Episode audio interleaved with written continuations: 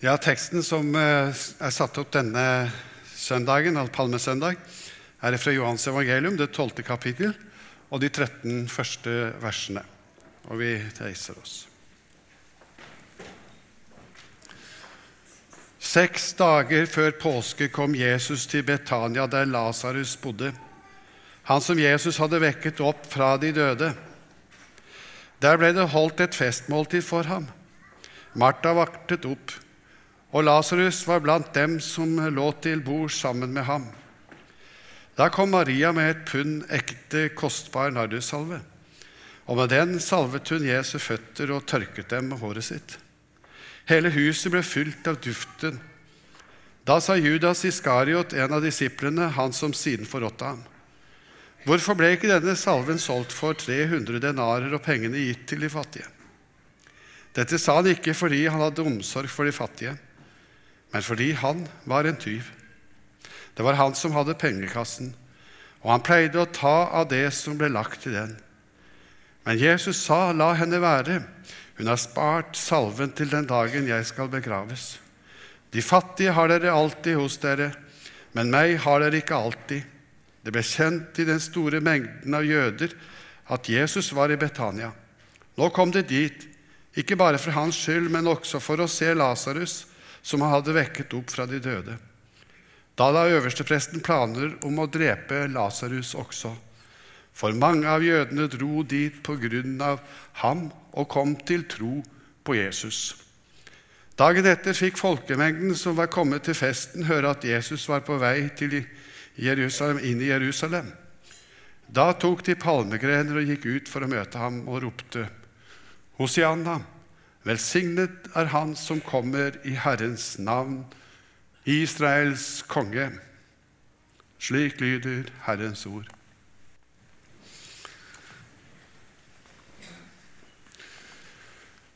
Forrige søndag så hørte vi om at Jesus er livets brød. Brød som gir evig liv til alle som tror på Jesus Kristus. Og Vi snakket også om det store underet som skjedde da Jesus mettet 5000.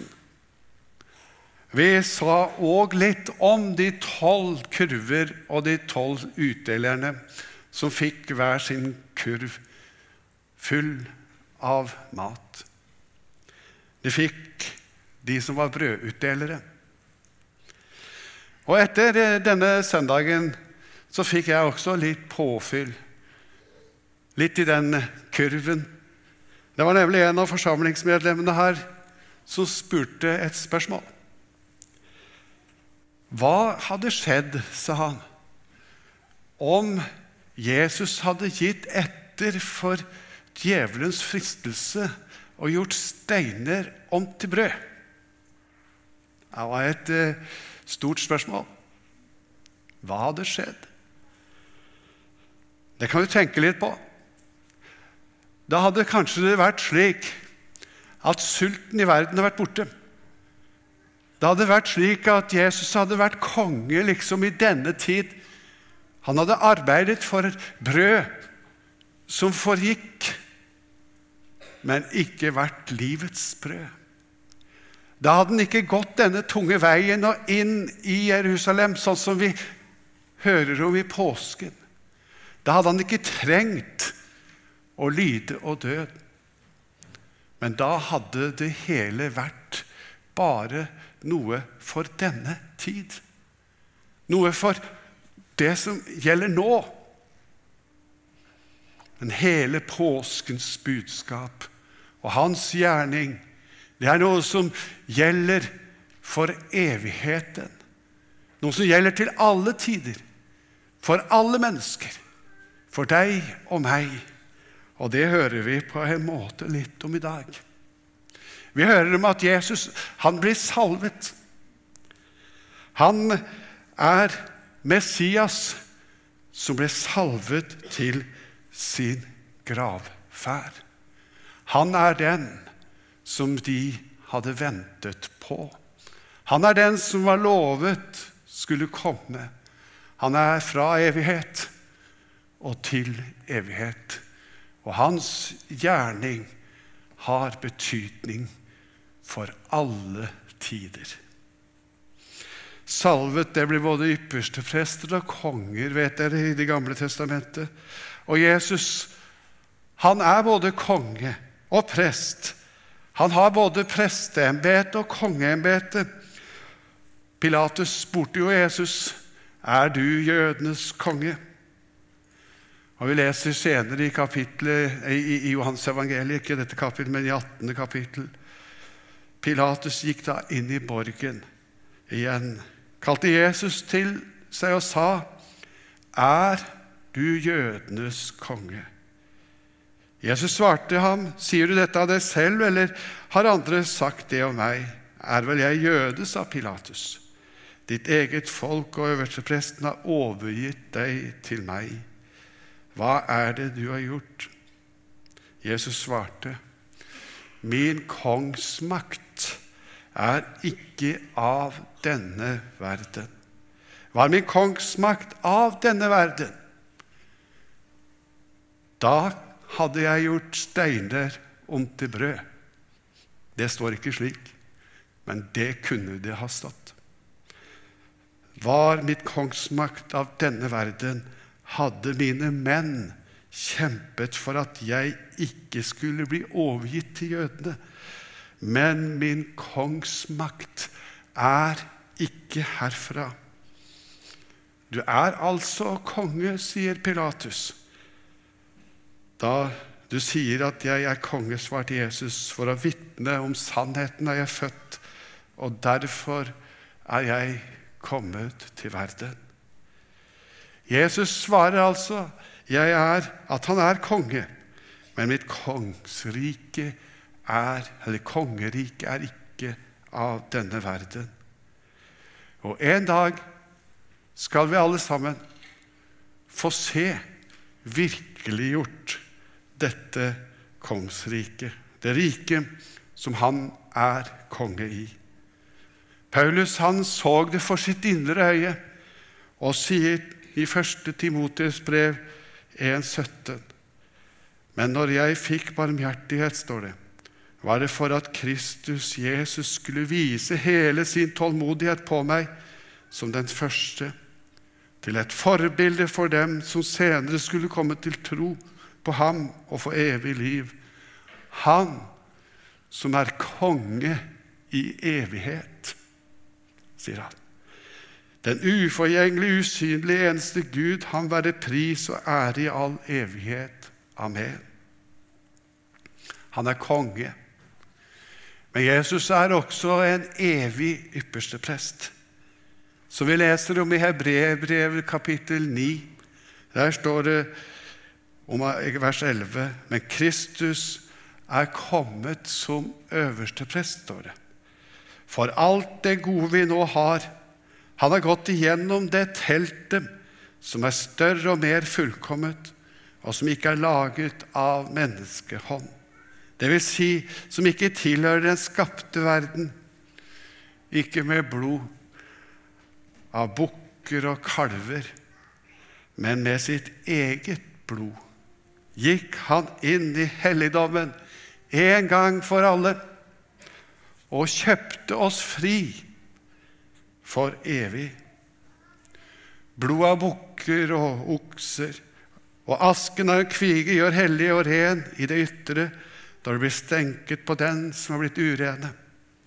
Hvor mye mer skal ikke da Kristi blod rense samvittigheten vår fra døde gjerninger, så vi kan tjene den levende Gud? For Kristus har i kraft av en evig ånd båret seg selv fram som et feilfritt offer for Gud. Han var ypperstepresten som bar seg selv og ga seg selv som offer for oss. Og hans prestedømme, det er evig. Det tar ikke slutt. Og det står slik men Jesus har et prestedømme som ikke tar slutt, fordi han er og blir til evig tid. Han er ifra evighet og til evighet. Derfor kan han også fullt og helt frelse oss som kommer til Gud ved ham. Det var ikke tidsbestemt, det offeret, at det gjaldt bare for noen få, men han er fra evighet og til evighet. Og det gjelder i dag. Det gjelder for deg, og det gjelder for meg. Vi har en frelser, en ypperste prest, som ikke bare har gitt brød for dette liv, men det er selve livets brød, som gir brød som gir evig liv. Fordi han er ifra evighet og går og blir til evig tid. Ja, slik en øverste prest måtte vi ha.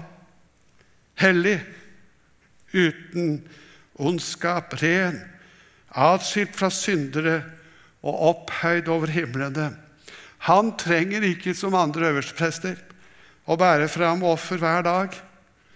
Nei, fordi hans offer har en evig gyldighet, fordi han ofret seg selv. Og så står det for offeret han har båret fram en gang for alle, da han ofret seg selv. Så I dagens tekst så hører vi om at den salvede blir salvet. En gripende stund, egentlig, når vi leser denne beretningen som vi har framfor oss nå. Det skjedde altså i heimen, den heimen vi har hørt om så mange ganger i Nytestamentet, nemlig Betania-heimen. Hjemmet til Martha, Maria og til Lasarus. Og I denne teksten så har de nå samlet alle tre. Og vi kjenner, Når vi leser teksten nøye, så kjenner vi stemningen i teksten. Disiplene var der, men fremfor alt så var Lasarus der. Og dere som har lest Det nye testamentet og lest Johannes evangeliet, dere vet at Lasarus ble syk. Lasarus døde. Lasarus ble lagt i graven. Han lå i graven i fire dager, og han stinket. Det var Lasarus. Men i denne teksten så får vi på en måte se hvordan det går ifra stinkende død og til duften av glede og liv. Dette er på grunn av Jesus. Dette er et prinsipp som følger Jesus. Det er dette han har makt til i hans rike. Å gi duften av liv og det evige liv. Og nå er det da bedt inn til et gjestebud i denne heimen her. Og det var ikke rart at de ville gjøre et festmåltid for Jesus. Egentlig for Jesus og Lasarus. De hadde jo fått ham tilbake. Han var kommet tilbake etter at han var død. Vi hadde opplevd det vonde, men nå var det en fantastisk stemning. En fantastisk glede der i heimen. Og jeg ser for meg disse tre der de snakker sammen og planlegger festen på forhånd. Nå må vi få Jesus hit. Jeg kan tenke meg at stemningen er nesten euforisk. Takknemligheten er til å ta og føle på. Den er så sterk fordi Lasarus har kommet tilbake. Den sorg som vi leste om tidligere, den angst som vi hørte om, den anklagen, alle de spørsmål som Maria Martha stilte til Jesus, de hadde nå fått sitt endelige svar. De så at midt iblant dem var Han som var herre over død og liv. Jeg syns det ligger en undertone i dette her. Det er sånn hvert enkelt menneske skal få se Jesus en dag når han som konge åpenbarer seg i herlighet. Og alle som trodde på han, alle skal kalles ut av gravene, og så skal de få leve sammen med han på den nye jord. Det kommer til å bli litt av en fest den dagen. Da blir det stille med det som var liksom både av angst, sorg og anklager som en opplevde mens han gikk her på jord. Da skal vi se for vårt fysiske øye hvem som er konge, hvem som er herre. Da skal vi erfare at han har seiret over død, over alt vondt. Det var i dypet av denne fortvilelsen som de hadde opplevd da, at de nå på en måte som dannet bakteppet, og så var det eh, at de husket på og så og tenkte at Jesus hadde makt til å si 'Lasarus, kom ut'. Tenk på det. Det var en som sa at det var godt han brukte navnet, for hvis han hadde bare ropt generelt, så hadde alle stått opp. Men en dag skal det så skje. Han, er, han viste på denne måten at han er oppstandelsen og livet. Men nå nå var det altså feststemning. Og Jeg har sett litt og tenkt litt på det som her skjedde. Litt, litt merkelig på en måte. Og jeg syns det er flere sånne kulturelle grenser som på en måte brytes ned. Det var en kvinne, Maria, og kvinnene på den tid de var ikke eh, satt så veldig høyt. De kunne ikke vitne i rettssaler engang. De var ikke så verdifulle på en måte og hadde ikke så mye stor status. Men det var kvinnen Maria som salvet Jesu føtter. Det var en kulturell grense som ble brøt i akkurat der. I tillegg så tørket hun føttene med sitt hår. Vi skjønner kanskje ikke så mye av det, men der òg var det en grense som på en måte ble brutt. Og eh,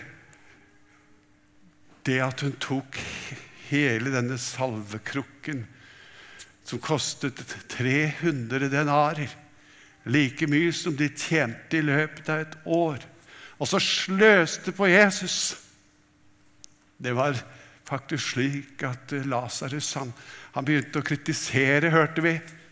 Men i Matteus så står det om at disiplene på en måte var litt enige med Lasarus. Kan du få følelsen av når du leser det som står der? Og Noen av tolkerne sier at det antageligvis at var Lasarus som førte. Nei, det var Judas som førte ordet. Mens de andre hadde litt av den samme meningen. Det er kanskje litt voldsomt. Og så sløse så fryktelig mye på Jesus. Ikke det at de hadde noe mot Jesus, de var glad i Jesus, men det må jo være visse grenser. Å ta så kny, ødelegge en, et sånn dyrebar salvekrukke med, med, med, med den der enorme verdien i, som for var familiens kanskje pensjonsfond. Ett årslønn. 300 denarer. Og så skulle de bare ødelegge det der. Og så ha det på føttene til Jesus. Det kunne være litt for mye av det gode, kunne de tenke. Og så Lasarus, han var Nei, Judas var liksom litt frampå. Og så sa han disse penga kunne dere ha brukt litt annerledes. Men det står her at han hadde en dobbelt hensikt. Han ville ta noe av det sjøl. Han ville helst ha de selv. Men her ser vi hvordan Jesus for andre gang, egentlig, som vi hører om i Nye Testamentet, forsvarer Marias handling. Den første gangen det var når Maria sitter ved Jesu føtter. Og da er det Martha som på en måte jobber og sliter, ikke sant? Og så, og så anklager hun søsteren sin. Jeg må liksom gjøre alt, mens hun, Maria, hun har satt seg ned og bare lytter. Og da forsvarer Jesus Maria og sier hun har valgt den gode del, sier hun, sier Jesus. Og så her er det andre gangen Jesus forsvarer Maria. Han sier, 'La henne være'. Gi henne fred, fordi hun har salvet meg til, til den dagen jeg skal begraves. Hun har spart denne salven til jeg skal begraves. Og Jeg har tenkt litt på Maria. Jeg har tenkt litt på disiplene. Jeg har tenkt litt på hele denne situasjonen.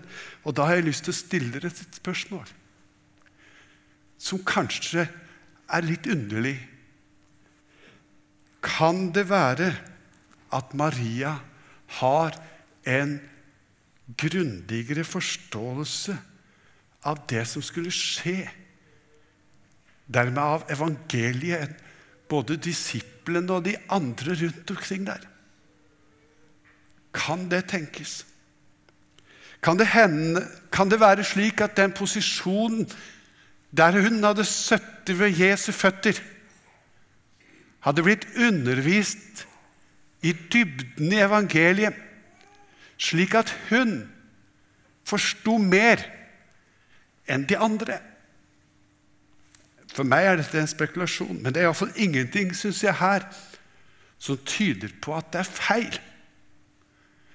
Og jeg tror kanskje det er slik at hun, Maria, forsto mer enn disiplene. Og det er noe å tenke på. Det er noe å tenke på hvordan Jesus forsvarte hennes handling. Han anerkjente det hun gjorde, og løftet henne opp. Og når vi ser dette i den kulturelle sammenheng det ble sagt i og skjedde i, så forstår vi at Jesus han ville løfte Maria opp på en spesiell måte. Hun har spart salven til min gravferd. Jeg tror det betyr at hun forsto mer enn de andre. Så ble altså Jesus salvet til sin gravferd, og gjennom sin død på korset så utførte han sitt presteembete. Han ga seg selv som offer. Et offer som gjelder for all evighet. Og gjennom det så tok han en eviggyldig seier over djevelen. Og Jesus, han er kongenes konge. Og folket, de hyllet ham som konge.